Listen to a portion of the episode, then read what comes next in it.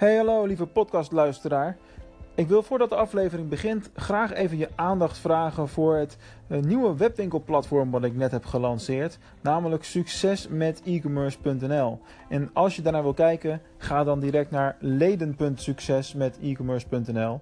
Alleen al om vanwege het feit dat we nog in de beta fase zitten. Dus als je er nu kennis mee maakt, kun je een van de allereerste mensen worden die lid wordt van het platform. Wat heeft het platform te bieden? Informatie over webwinkelmarketing, een nieuwe gratis webwinkelmarketing cursus van mij. Die lanceren we eind mei. Dus als je dit in juni luistert, dan is hij er al. Uh, en natuurlijk een forum met allerlei mensen die met elkaar over e-commerce en webwinkelmarketing en webwinkellogistiek en alles wat erbij komt kijken, lekker met elkaar aan het praten zijn. En natuurlijk bemoei ik me ook regelmatig met de gesprekken die daar gaande zijn. Dus neem even de moeite, kom maar kijken. Word gratis lid. Er zitten geen addertjes onder het gras. Je kunt altijd van de basis gratis lid blijven. That's it. Voor nu veel plezier met de nieuwe show. Ja, ik vind dat hier, als hier bloopers komen, dan moet de blooper gewoon in de intro. En dan. Uh... Meer verdienen en minder uitgeven met online marketing. Dit is de DGOC Online Marketing Podcast. Harold, welkom in de show. Ten eerste natuurlijk. Ik zie ja, dat je ook een hele mooie setting daar hebt met een uh, hele toffe, nog dikkere microfoon als die hier staat. ja, hey, um, mij, maar dit achter, hè? Dit achter, dat lijken stenen, maar dat is behang. Dus even. Oh, daar gaat, de, echt, uh, daar gaat de magie gelijk ja. aan het begin van de, van de show al. Ja, de charmers van het decor. De achterkant zat van plakband. Ja, ik zie je nou stiekem de camera draaien voor de mensen die uh, de kijkversie pakken. Oh ja, ja, ik zet hem inderdaad. Nee, ik zet zo. Ja. Hey uh, Harold, uh, vertel eerst even in het kort wie je bent en, en wat je doet. Mijn naam is Harold Heukers. Ik ben oprichter van de Marketing and Mindset Academy. En met de Academy heb ik tot doel om van ondernemers goede marketeers te maken. Zodat ze makkelijk uit hun woorden komen. Ook makkelijker hun propositie op de markt kunnen zetten. Eigenlijk kort gezegd, de inhoud wat meer loslaten en wat meer aandacht besteden aan de voorkant. Dus aan de verpakking en aan het uh, verhaal. Oké, deze vraag heb je vaker gehad, maar dat was echt zo'n rambam uh, antwoord. Dit is wat ik doe. de twee zinnen samen te vatten, anders wordt het zo'n wollig verhaal. Ja, ja, nee, maar kom, je komt nog wel los dadelijk. Komt nog goed. Hey, wat maakt voor jou de combinatie tussen marketing en mindset? Want jij benoemt dat heel nadrukkelijk en duidelijk expres. Ja. Ja. Nou, ik, het komt vaak uit mezelf. Ik denk dat alle dingen die, eh, die ik nu doe voor mensen, dat het toch bij mezelf is ontstaan. Ik was vroeger vrij uh, introvert. kwam moeilijk uit mijn woorden. En um, die valkuil heb ik nog steeds wel, of valkuil, het is meer een eigenschap dan, hè, karaktereigenschap. Dat, um, ja, dat ik te vaak nog wel aan de tekentafel wil blijven zitten. En dan zien dingen niet op tijd het levenslicht. En het is heel cliché misschien, maar je leest het overal wel natuurlijk. Van ja, go out there, ga aan de slag, um, zet het de markt in. En toen dacht, kwam ik op zo'n zo'n idee van ja, een van die dingen is toch mindset. Hoe zie jij jezelf en je toevoegde waarde ten opzichte van uh, de ander? En in hoeverre moet jouw verhaal 100% af zijn voordat je het de markt uh, inbrengt. Mm -hmm. Dus ik ben me daarin gaan verdiepen. Ook in persoonlijke ontwikkeling en al die zaken die... Ik had eigenlijk één doel. Ik wilde veel meer van introvert persoon ook niet naar een extravert persoon, maar wel iemand met, uh, die in staat is om zichzelf wat duidelijker uh, uit te drukken. En ik heb een marketingachtergrond. Dat is even weer de, de hard skill, denk ik, uh, basis. Dat is dat ik de, ja, tien jaar in de mediabureauwereld heb gewerkt. En eigenlijk drie jaar geleden als ondernemer dan ben begonnen, slash freelancer, om voor grotere merken ook marketing, online marketing trajecten, adviezen en dingetjes te doen. Toen dacht ik, ja, hé, hey, die, dat zijn nou mijn twee interessegebieden. De wereld van de mindset, de wereld van de marketing. Ik denk, ja, waarom gooien we dat niet samen? Um, dan laat ik je een voorbeeld geven. Ik ga nu zelf, ga ik zelf mijn eigen vragen stellen. hey, uh, als het niet meer boeiend is, dan ontbreek ik je wel hoor. ja, heel graag. Nee, ik zie één link. Um, Um, ja, dit bijvoorbeeld. Ik krijg nog veel te vaak wel de vraag van... hey, uh, Harold, welke tools uh, gebruik je om landingspagina's te maken? Of welk platform is goed om e-mailmarketing uh, te doen, weet je wel? En dan zeg ik altijd van ja, alles is in principe goed. Alleen, er zit wel een verschil tussen tactische vragen stellen... of strategische slash filosofische vragen stellen. Dus de ene zijn echt meer door de marketingvragen... en de andere zijn veel meer de mindset vragen. Ik kan beter vragen van wat welke stappen moet ik zetten bijvoorbeeld om impact te maken bij mijn doelgroep bijvoorbeeld? Dat zou veel meer een vraag zijn die strategisch is. Het is veel meer een mindset vraag. Er komt geen vraag naar een tool in naar voren in eerste instantie. Dus ja, ik heb eigenlijk twee interessegebieden gecombineerd en daar probeer ik mijn waarde toe te voegen. Ja. ja, maar dat is ook wel echt wat je zegt hoor. Want of het nou uh, Mailchimp is of Active Campaign of Copernica of al die andere. Ja. Aan het eind van de dag maakt het geen zak uit. En die tool is zo goed als wat je daarmee doet. En dat geldt natuurlijk voor heel veel van dat soort uh, tools. Maar goed, daar komen we nog wel, uh, nog wel later op, op terug. Mm -hmm. Hey, um, wat is een perfecte marketingstrategie? Die vraag ben ik bij jou in je content tegengekomen. Nou ja, een perfecte marketingstrategie is volgens mij wel een strategie waarbij je de klant wel voorop stelt. Dus je, uh, ook een strategie waar je op een één op één relatie focust. Dus je laat de klant aan het woord. Je begint ook gewoon klein. Je zou het bijna agile kunnen noemen. Dus een perfecte marketingstrategie is dat je uh, al met mensen in gesprek gaat voordat je het product gaat verkopen. Um, ja, ook gewoon aan de slag gaat, zeg maar. Dus je echt onderdeel wordt van het spel. Um, maar goed, ja, weet je, dat projecteer ik ook weer op mijn eigen valkuilen. Ik kon hem wel nog eens zanden in huisstijl en logowerk van een bepaald concept. En daarna een uh, funneltje maken. En daarna een challenge misschien. En uh, daarna mensen laten inschrijven. En dan, ja, de, de, de flops zijn nog net niet op één, ja, zijn wel meer op één hand te tellen, zeg maar. Er is heel veel van geleerd. Dus je moet het omdraaien. Ja, ja. Uh, het betekent ook niet dat je heel lang onderzoek moet doen. Hè? Het is ook niet dat je echt uh, wekenlang moet research moet doen. Maar wel gewoon onderdeel moet worden van de conversatie. En gewoon kijken wat er speelt. En dan is marketing ook echt meer een mensenspel. Maar merk je dan bijvoorbeeld ook dat als mensen bij jou binnenkomen, dat je de, ja, voor zover je over verkeerde kunt spreken, maar dat je verkeerde vragen krijgt in eerste instantie? Ja, en dat, is, dat leg ik dan puur bij mezelf neer. Want als ik uh, uh, content maak die, uh, ja, die wel vrij tactisch van aard is, dan krijg je ook dat soort tactische vragen terug. En als, ja, je, ja. als, je, als je het echt over het ambitieniveau spreekt, wat je zelf hebt, maar je, je, en wat ik nou mijn antwoord ook mee begon, hè, van zet de klant voorop. Als je op de gewenste situatie en het ambitieniveau van de klant inspeelt, krijg ik andere vragen in je mailbox. Dat is, wel, dat is wel interessant wat je zegt, want uh, ik heb natuurlijk zelf net die rebranding uh, uh, achter de rug van de online marketing podcast naar Mark Onderneemt. Ja. En, waardoor mijn interviews ook wat meer de breedte ingaan mm -hmm. als dat het alleen maar over marketing gaat. Maar zou dat op termijn ook kunnen leiden tot andere vragen en andere aanvragen? Denk ik wel. En dat is dan het, het, het, het cliché gezegd van kie, durf te kiezen en je wordt gekozen. Ja, precies. Maar het is niet echt in, in één of twee weken geregeld, zeg maar. Dat is wel één een van de learnings die ik uh, nou, nu, de Academy is nu anderhalf jaar oud, maar uh, dingen hebben wel tijd nodig voordat het gaat landen.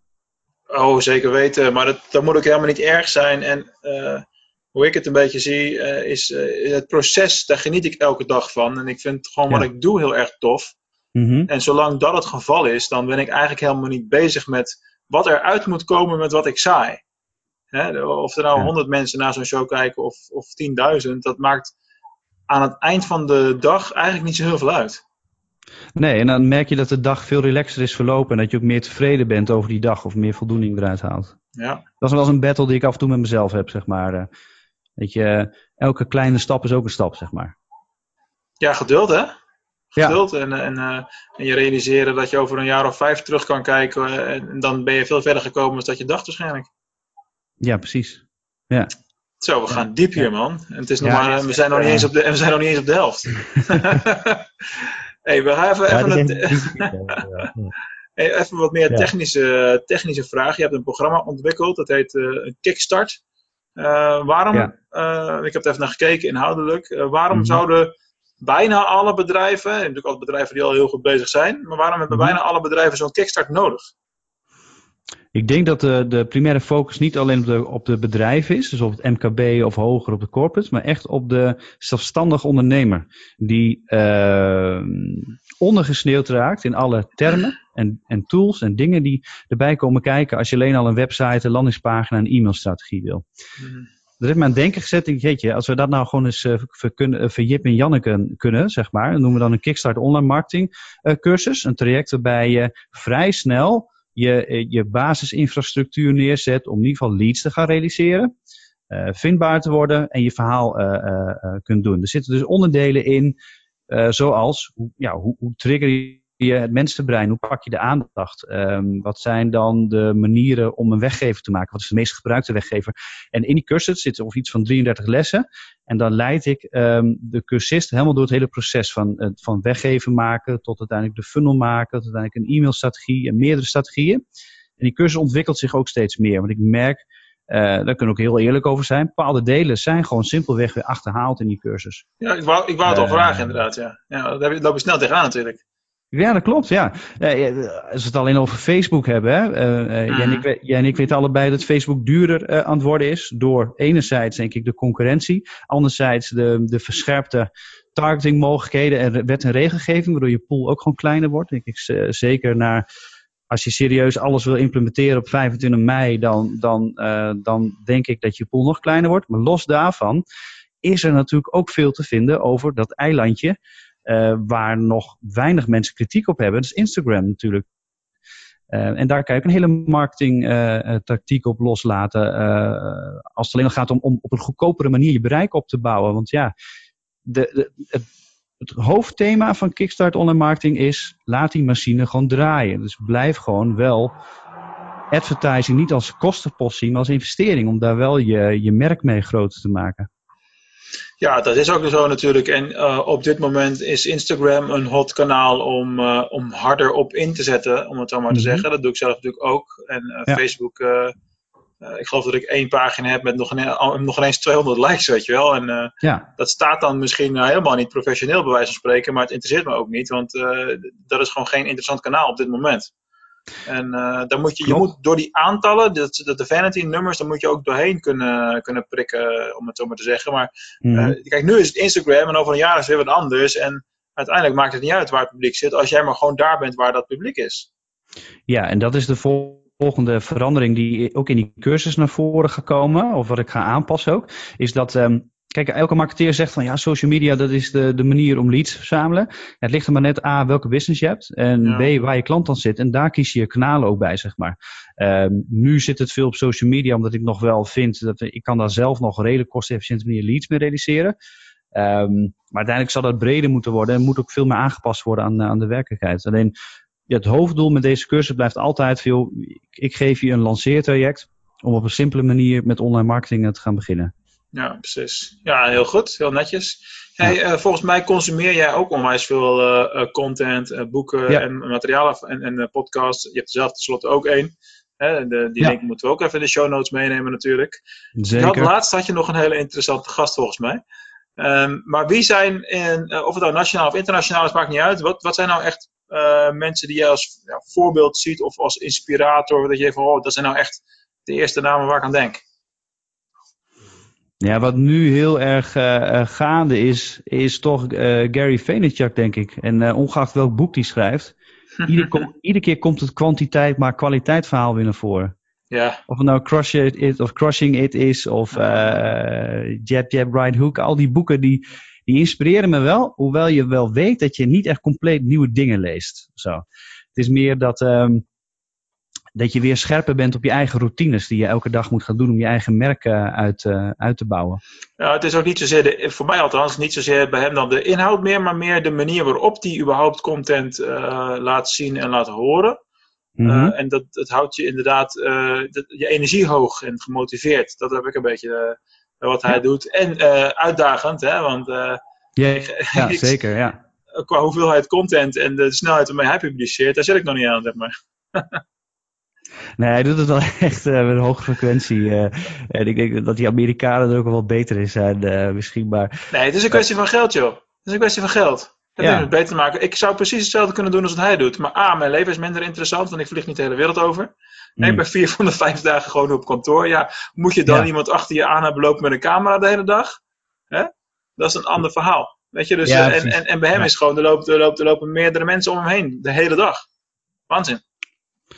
Ja, weet je, om daar nog eens op in te haken, hè, wat ik daarvan geleerd heb, is gewoon, um, hij zegt ook, hè, doc, document, don't, don't create. Ja, ja, tuurlijk. En de eerste, eerste tijd van Academy wilde ik studiowaardig materiaal maken. Dus um, een videootje moest altijd goed belicht zijn, goede audio zijn. Ik ben nog steeds wel van, ik heb ook wel die audio-achtergrond, uh, om dat perfect te willen hebben.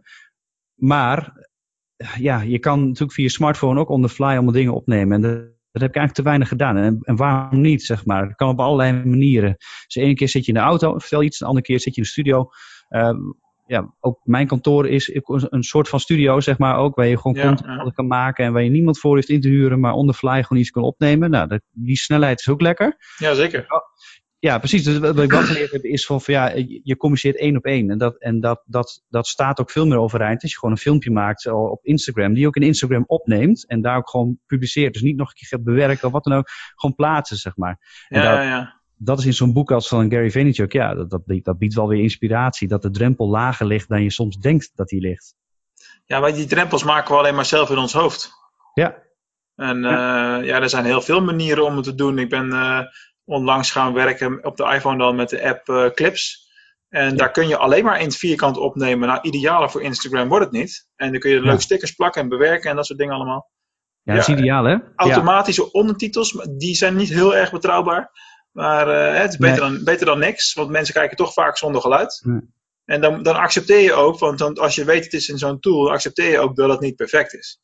Klopt. Kan je die ondertiteling nog bewerken voordat je, of is het, eh, dit is het? Op dit moment Ja? niet. Nee. Oké, oké. Nee. ja. En eh, dat, dat was ook een van mijn eerste gedachten. Van, ja, als ik daar Hm. een rare fout in zie, dan eh, pas ik het nog wel even aan. Maar oh nee, wacht, dat gaat niet. Misschien, komt, misschien komt dat nog. Wie weet. Ja, dat is wel een dingetje. Hè? Bijvoorbeeld de hele voice search, de hele audio gebeuren. Dat wij steeds meer, ehm, ja, dat steeds meer herkend wordt wat, wat wij uitspreken. Dat het vertaald wordt in tekst. Hoe beter dat wordt straks, dat, dan, ja, dan is een groot deel van je podcast is dan ook al uitgeschreven. En eh, dat je daar nog Ja. wat wijzigingen in kan doen, dan, dan staat het wel. Ik geloof er wel in dat het alleen maar slimmer en beter wordt. Ja, het zou alleen maar heel erg welkom zijn. Want eh, kijk, dit soort interviews schrijven wij nu nog eh, uit in samenvattende vorm, zeg maar, voor het, voor het blog. Maar dat is, daar gaat best wel tijd in zitten. Ja, En als ik het heb over de, voor de lange interviews zoals dit, doe ik het niet, maar de subs, zeg maar. Eh, voor eh Ja. 5 tot 10 minuten video's, eh, die laat ik door iemand schrijven op YouTube. Maar dat is al Mhm. best fair. Ik heb daar laatst naar gekeken zelf. En eh, ja, ze, Ja. ze maken al best een mooi automatisch transcript. Het is eigenlijk meer een soort correctieronde wat iemand moet doen. ja, dat gaat best goed inderdaad. Ja, Ja. Je, maar dan moet je wel, en daar heb ik dan een beetje eh, wel me, heb ik me op geconcentreerd, hè, dat je uitspraak, eh, hè, wat je wat bewuster goed gaat articuleren, zodat je weet, dan zijn de subs straks minder werk. Zijn een beetje Ja. suf. Maar ja, Ja. goed, dat werkt wel. Ja, vroeger moest je goed articuleren omdat de docent Nederlands dat wilde. Nu moet je goed articuleren, anders verstaat de software je niet. Ja, precies. Tijden Oh. veranderen. Waar gaat het heen, man? Ja, ja, ja, ja. ja. Hey, ehm, eh, je hebt allemaal van die programma's, waar, daar heb je ook veel mee gewerkt volgens mij. eh Leadpages, ehm Mhm. eh, ClickFunnels, Ja. OptimizePress, noem ze allemaal maar op. ja. Eh, ik ben daar een beetje klaar mee. Ik, ik heb nu nog wel ClickFunnels, maar daar ga ik binnenkort afscheid van nemen. Zodra, zodra ik daar eh, genoeg tijd heb om die pagina's te vervangen. Eh, zij zijn Ja. met de afgelopen jaren, hebben we ons gek laten maken met funnel hacken. Ja. Hoe, de- hoe sta jij daar tegenover? Ja, ja, we hebben ons helemaal gek laten maken. Ik denk gewoon, dat is ook een van de learnings van de afgelopen zes, zeven, acht maanden ongeveer wel. Is dat ehm, ik ben een redelijk beginnend merk. En dat betekent dat de valkuil die we vaak hebben, is dat wij eh, denken dat, dat wij een bestaan moeten gaan opbouwen en met de funnels moeten gaan, gaan beginnen. En ik heb veel meer bereikt de afgelopen maand door gewoon de telefoon te pakken. En ehm, Oh, wacht. bijna- Zegt de online marketeer. ja, ja, Kijk, dat, ja. dat is eigenlijk heel slecht. Maar oké, ga door. Ik durf te wedden dat conversieratio's op funnels zo goed zijn, omdat de ondernemer zelf al een redelijke bekendheid heeft meegekregen. Dus als een ondernemer nog niet de naam heeft in de markt, Ja, ik ben aan het bouwen, maar stel dat je ondernemers hebt die een grote naam zijn, dan, speelt, dan is dat ehm, effect, dat vliegwieleffect is al geweest. En uiteindelijk gaat iemand minder tijd nemen om na te denken. Weet je, die heeft al zoveel van die persoon gezien. zit Is het vertrouwen, weet je wel? Dus die ouderwetse funnel, hè? dus het awareness en, en de, en de eh, hoe zeg je, de, de, de voorkeur, de merkvoorkeur voor zo'n persoon. Dat Ja. is al zo aanwezig, waardoor je sneller beslist. Maar uiteindelijk als je net begint, ja, weet je, dan is het nog steeds eh, aanbellen aan deuren en cold calling. Ik heb heel veel geleerd van mijn bijbaantjes bij callcenters. Ik heb vroeger van alles verkocht. Proefabonnementen, donaties, al die dingen meer. En het meest vervelende was altijd, je bent personen altijd tot- last. Je belt Ja, altijd ja. half zeven s'avonds, zes uur. Iemand is gewoon lekker aan het eten. Geeft dus ongelijk, dan neem je de telefoon niet op. Dus je bent altijd in een soort setting aan het spreken waar iemand, waar je je al bezwaard voelt, zeg maar. Ja, precies. Eh, een ander ding wat ik veel geleerd is, ik heb een paar, paar blauwe maandag een keer voor een klas gestaan op een business school. Ehm, maar goed, papa en mama betaalden hun colleges. En Ah. de interesse was niet heel hoog, zeg maar, in bepaalde vakken. Dus eh, beide voorbeelden, wat ik daarmee wil zeggen, is van ja, ik, ik ben me wat comfortabeler gaan voelen bij het, het gebeuren dat als iemand je nog niet kent, dat je wel gewoon je ruimte moet pakken om je verhaal te doen. Ook al is iemand nog niet meteen geïnteresseerd of zo. Pak eerst je ruimte om je verhaal te doen. Maak het ook niet, kap het ook niet af of eh, doe het sneller omdat je al misschien al bang bent dat iemand niet op je verhaal zit te wachten. Maar pak dat gewoon. En uiteindelijk het koud opbellen van leads is voor mij wel makkelijker geworden. Ja. En daar staat haaks op een funnel en, eh en per leads en al die ingewikkelde constructies. eh. Ja, er zijn meerdere manieren om het te doen. Eh, ik zou zelf niet zo snel koud bellen, maar ik heb ook geen achtergrond eh, daar- of in callcenters gewerkt of dat soort dingen. Eh, ik, ik bewandel heel erg de contentroute natuurlijk. Hè? Dus, dus heel veel content publiceren op alle platformen. En er zijn een paar platformen, waarom met, met name LinkedIn natuurlijk, waar mijn bereik gewoon heel erg groot is. Eh, en dan, en dan eh, hoef je niet meer te, eh, te bellen, dan bellen ze mij. In ieder geval vaak genoeg om mijn agenda Ja. te vullen, hè, laat ik zo zeggen. En ja, Mhm. en er zijn allerlei, allerlei routes en allerlei manieren om. maar goed, dat, dat zul je in de loop van de tijd ook wel meer gaan krijgen. Hoe langer je bezig bent, hoe meer, nou ja, meer autoriteit is misschien niet helemaal de juiste term, maar je Mhm. wordt zelf ontspannender en relaxter in het hele proces. Dat is Ja. één. En twee is, ja, als jij in één adem kan zeggen: Ik heb YouTube-show, podcast, show, twee boeken geschreven en weet ik het wat allemaal. Ja. Dan hoef jij heel weinig nog te doen om iemand te overtuigen dat jij je vak verstaat. Ja, eens. Dus dat werkt allemaal in het voordeel. Eh, en als je daar nog bellen aan toevoegt, zeg maar, heb je al een beter verhaal, heb je een betere basis. Ja. Eh, maar als je zou beginnen met een funnel en je zou dat allemaal gaan automatiseren, dus eh, waar ClickFunnels natuurlijk het hele platform voor, voor biedt, ja, tuurlijk. ehm, denk ik dat veel ondernemers gaan stranden als ze alleen daarop inzetten. Ja, dat denk ik ook. Dat denk ik ook. Misschien afhankelijk van een product. Kijk, winacties eh, werken altijd wel, maar dan heb je een low interest eh, publiek. Maar waar het gaat om de dienstverleners en de e-book downloads en hoe vaak worden ze dan echt gelezen? Nou, 90% sowieso niet. dus, Nee, eh, dat klopt. Dus heb je nog meer contactmomenten nodig om te zorgen dat iemand je content consumeert. Maar daar sla je misschien wel de spijker op zijn kop, hè? Het gaat Ja. niet zozeer om hoe goed je funnel is of, of hoe eh, strak je tekst is. Eh het speelt allemaal wel mee, maar eh, creëer gewoon die 6 à 7 contactmomenten eerst maar eens. Ja. Daar begint het mee. En daarna dan, dan is het veel makkelijker, want ont- onthouden ze, hebben ze je onthouden, kennen ze je al.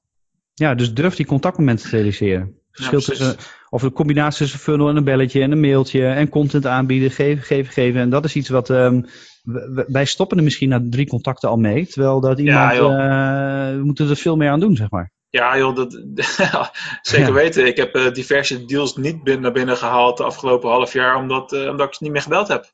Ja. En dat, ik weet ook dat het zo is, maar dat was dan, eh, mijn agenda is al vol en ik ben nog niet eraan toe om meer opdrachten te doen. En dan Ja. kies je daar onbewust bewust voor. Ja. Ja, ja maar dat, dat- precies. Dus je hebt bewust, weet je dat je iets anders in je hoofd hebt. Dus onbewust schuif je dat even opzij. ja, zoiets ja. Ja, Dag man. Ja. Hey, ehm, jij bent ook aan het podcasten geslagen met de marketing Ja. en sales eh, podcast. ja. Eh, hoe, waar is dat vandaan gekomen? Waarom ben je daarmee begonnen? Ja, dat begint al vanaf mijn jeugd, man. Ik, ik wilde ooit radio maken. dus dingen vertellen en eh, plaatjes draaien. En nou, dat heb ik dan vroeger ook wel gedaan. En bij regionale radio ehm, eh, eh, heb ik ook wel wat dingetjes gedaan. Wat voice-over dingen, maar goed, daar stopt het mee. Maar toen dacht ik, oké, we met de Academy starten. Wat is nou een content, wat is nou een medium waar ik me prettig bij voel? En wat ook niet heel veel werk is om te publiceren. Want ik ben eigenlijk niet zo'n ik ben wat slechter in zelf teksten typen, zeg maar. Ik, eh, het kost me veel tijd. Ik wil het ook goed hebben. Dus audio is, is mijn, audio en video is mijn beste vorm. Ja. Dus audio ehm, kan dan al snel. En uiteindelijk, ja, kies je toch dingen die bij jou passen, die toch uit je jeugd eh, komen. Wat je als jeugd, eh, toen als je klein was, dat je dat al leuk eh, vond, zeg maar. En dat komt dan ooit in je leven weer, weer terug. Dus ik probeer iedere keer toch connecting the dots. Ik probeer toch de connection het verleden te maken. Van waarom doe ik nu wat ik nu doe? Nou, en podcastjes maken, zeg maar, als, als, als contentvorm. Ja, dat past bij wat ik vroeger eigenlijk al wilde. Waarom doe ik nu wat ik nu doe? Dat is wel een doordenken, man. Nou ja, heel simpel. Dat je af en toe afvraagt van ja, ja wa- wa- waarom vind ik dit dan leuk, zeg maar. Want so- sommige dingen, je kan het ook overanalyseren. Hè? Dat je continu de vraag stelt van ja, wat vind ik nou leuk? Wat wil ik nou echt? Wat ga ik nou doen? Ik vind ook dat je daarover na moet denken. Maar aan de andere kant is het ook gewoon, als je je gut feeling volgt, Mhm. dan doe je, dan, dan kan je heel snel de keuze maken van wat je, wat je leuk vindt. En als, als die gut feeling dan nog niet helemaal is, dan kan zijn er allerlei factoren dat dat gewoon een beetje minder in de voorgrond is. Volgens mij best om terug te gaan naar je jeugd. Wat zijn dan de pluspunten in je jeugd waar je gewoon super vet en super gaaf vond? En kan je dat omzetten in iets wat je nu ook leuk vindt en daarna ook gewoon je geld mee verdienen? Maar allereerst gewoon van ja, kan ik met wat, datgene dat ik leuk vind, meerwaarde geven aan de ander? Dus alles wat ik weet, denk te weten of wil delen, ja, dat zit nu in die podcast. Ik denk dat daar de meeste volume nu zit qua content. Hm, ja, ja, precies. Ja. Ja. En, maar wat deed jij dan in je jeugd wat de link legt met podcasting voor jou? Ehm, met mijn jongere broer radio maken op de slaapkamer. Plaatjes Ja, draaien. ja, ja. En daarna gingen we in huis gingen we lichtshows geven. Met de lampen die we hadden. Classic man. Ja, maar goed, dat die lichtshows. dat ik, eh, ik heb drie jaar bij de Nederlandse televisie gewerkt als belichtingstechnicus. Dat was mijn stage op, eh, op, eh, op MBO, zeg maar.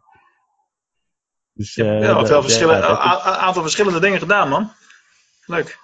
Ja, ja, eigenlijk van audio, eh, omroepwereld, eh, uiteindelijk de informatica en marketing in- ingerold qua opleidingen. En daar ben ik blijven plakken. Ik denk dat, eh, eh, ik, ik heb in mijn hoofd even snel ook dat audio- audiolijntje gemaakt. Mhm. Maar het heeft heel veel met je opvoeding ook te maken. Want ik weet nog dat mijn ouders vroeger die, eh, die sprookjesboeken voor mij kochten. Dat waren dan van die meeleesboeken met cassettebandjes. En hadden we Oh ja. hele doos, een disketten. En Mhm. eh, ja, dat, dat werd dan s'avonds uh, aangezet. En uh, werd ik Ja, automatisch voorgelezen, weet je wel. Mooi, hè? En, en dat zou wel eens het begin geweest kunnen zijn van waarom ik überhaupt ooit uh, amateurtoneel ben gaan doen, muziek ben gaan maken, luisterboeken ja. ben gaan verkopen en produceren. Ja, en. Nu, en nu is het actuele haakje de podcast dan natuurlijk. Het is eigenlijk waanzin hoe je alles terug kan herleiden naar hoe, je, hoe het was vroeger thuis. Ja, ik denk het wel. Want dat is, ik heb, wat jij zegt inderdaad. Je hebt ook in, een, in een band gezeten. Je, je, hebt, je hebt het audio gedeelte heb je nooit losgelaten natuurlijk. Nee, nee, nee. Even je luisterboeken, nu de podcast weer. Dat is de Ja. mooie draad ook wel. Ja. Blijkbaar Ja, weer. wat levert het op, hè?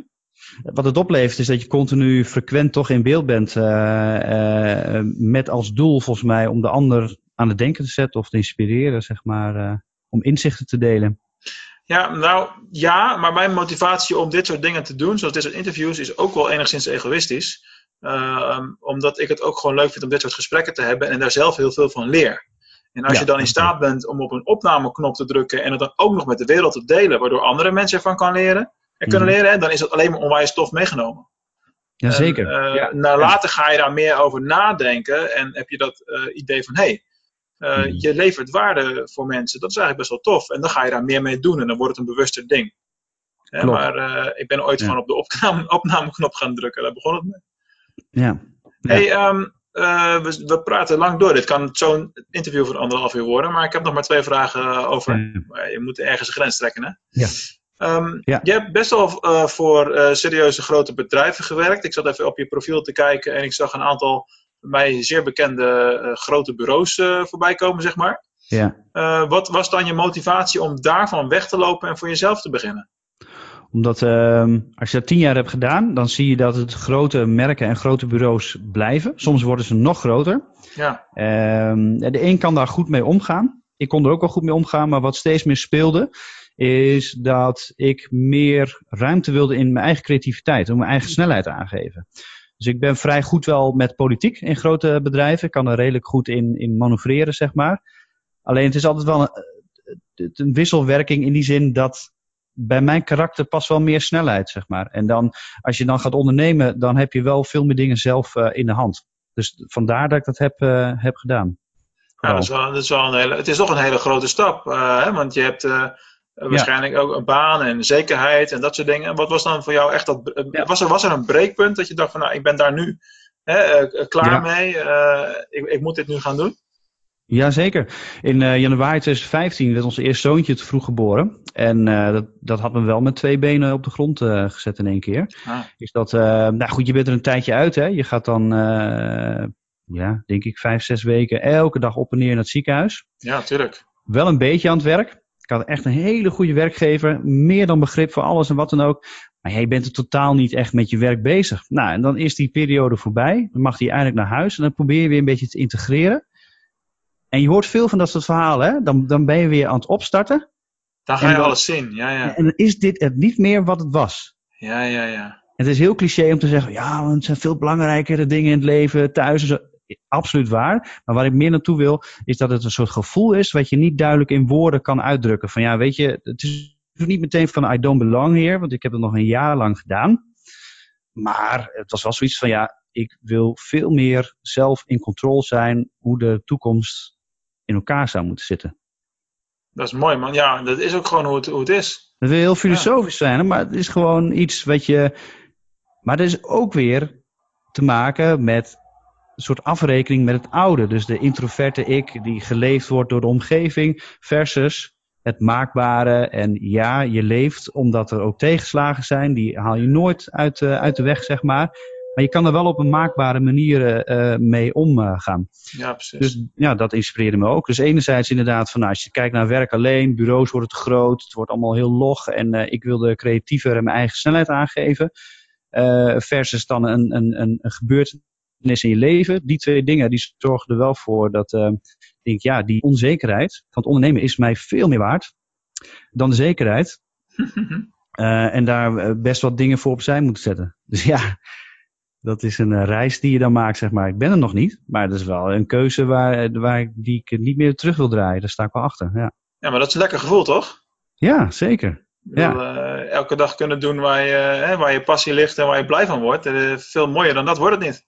Ja, en het is lang niet alleen, dat zou je ook weten, het ondernemen is lang niet alleen roze geur. En ik vind dat we veel te veel roze geur met elkaar delen op internet. Terwijl dat het gewoon, uh, het is gewoon mega hard werken en knokken en dingen. En, en het is continu je strategieën aanpassen. Maar ja, daar heb je wel voor gekozen. En ik vind het wel leerzaam.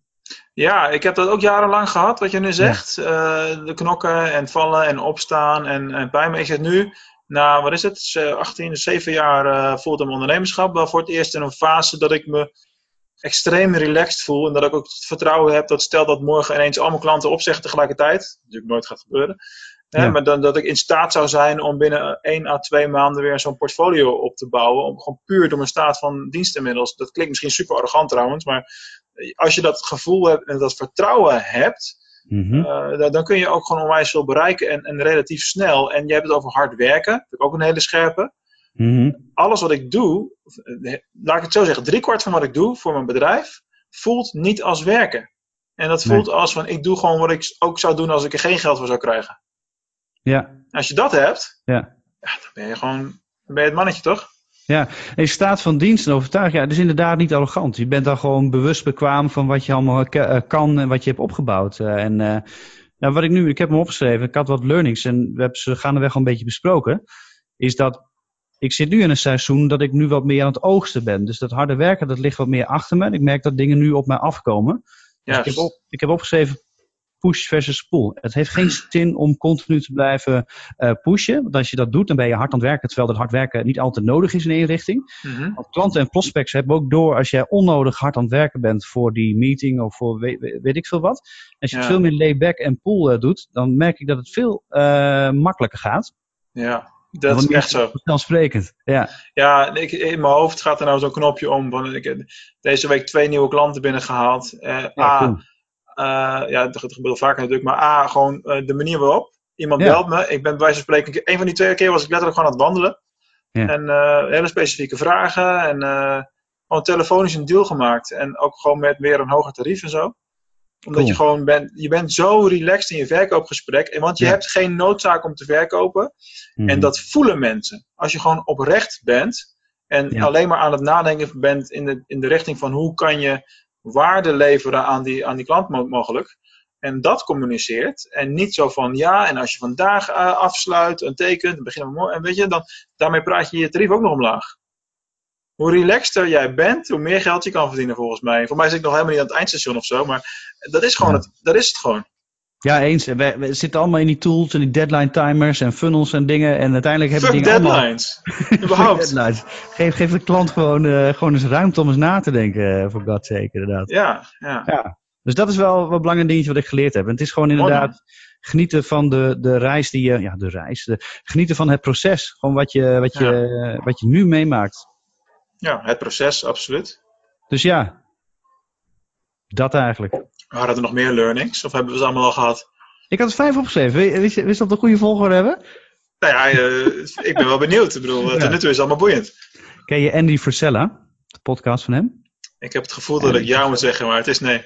Nou, kijk, hij is in Amerika vooral wel groot. Uh, hier niet zo volgens mij. Hij zit in een uh, voedingssupplementenmarkt. En hij had uh, deze week een podcast. En daar zegt hij van ja, stel jezelf nou eens de vraag. Wil je beroemd zijn of wil je impactvol zijn? Ja, om het heel kort samen te vatten. Heel veel mensen focussen zich op die likes inderdaad, op die volgers en op, de, op, de, op de, de bezoekers op een site. Terwijl dat eigenlijk gaat van, joh, kan je die ene persoon, kan je die raken? Als je nou voor een zaal staat, kijk, je moet een goed verhaal hebben. De kunst van het spreken is ook natuurlijk wel een vakmanschap uh, natuurlijk apart. Maar de ene helft is niet zozeer geïnteresseerd in die verhaal en de andere helft wel. Maar als je nou twee, drie mensen aan het luisteren krijgt, die één op één communicatie. Dus elke video die je opneemt, elke podcast die je opneemt, moet altijd één op één zijn. Dat je naar die ene persoon, zeg maar, communiceert. Nou, dat is dat gaf me wel inzicht inderdaad. Dus van ja, wil je beroemd worden, heel veel likes en heel veel volgers, of wil je impactvol zijn, wat, wat soort ripple effect is, wat klein begint. Nou, dat dus.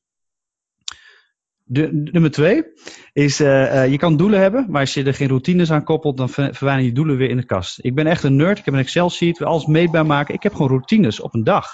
Uh, en het zijn privé-routines, het zijn zakelijke routines. Van ik moet zoveel, uh, ik moet, ja, ook gekwantificeerd. Hè? Ik wil zoveel mensen hebben benaderd. Ik wil zoveel profielen hebben bekeken. Ik wil zoveel mensen uh, uit mijn bestand um, per dag, zeg maar, hebben gesproken om te kijken wat er leeft. Dus nou, dat, dat, ja, dat soort dingen. Dat zijn routines. Uh, drie heb ik opgeschreven, fuck funnels. We hebben een paar keer al, dat wordt sowieso een expliciete aflevering. FF funnels. Pak die telefoon. Um, puntje 4 voor Jos Burgers. één fan per dag. Dat is echt fantastisch. Ja, ja, mooi boek ook. Ja, ja dus weg met die automation. Hè. Natuurlijk moet je ze nog steeds gebruiken. Ik vind ook gewoon, je moet je mail sequence hebben. En, en dan neem je ook werk uit handen als je iets wilt publiceren. Maar ik heb gemerkt, en dat heb ik de afgelopen weken pas gedaan.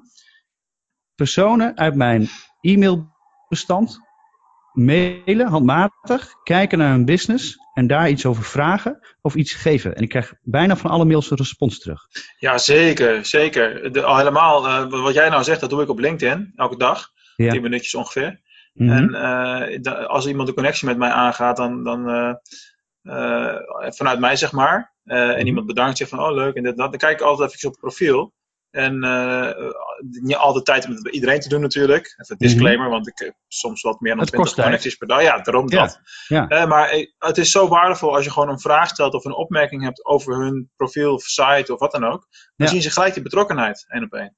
Ja, dat is cool. Je krijgt dat, dingen dat terug. Dat maakt impact. Dat maakt impact. En dat is wel, ik heb wel eens een mail aan iedereen gestuurd van, uh, kan ik je helpen? Ik krijg bijna niks op terug. Mensen zijn niet dom, die hebben echt gehoord dat het dat, een mailtje is. Die mail zit, die komt uit het boek van, uh, weet je ook alweer, Sep Fontaine Pennock, de Lean oh ja, uh, website. Daar staat letterlijk die tip in. Stuur dus een hele oh ja. mail naar je lijst met alleen maar de vraag, kan ik je ergens mee helpen?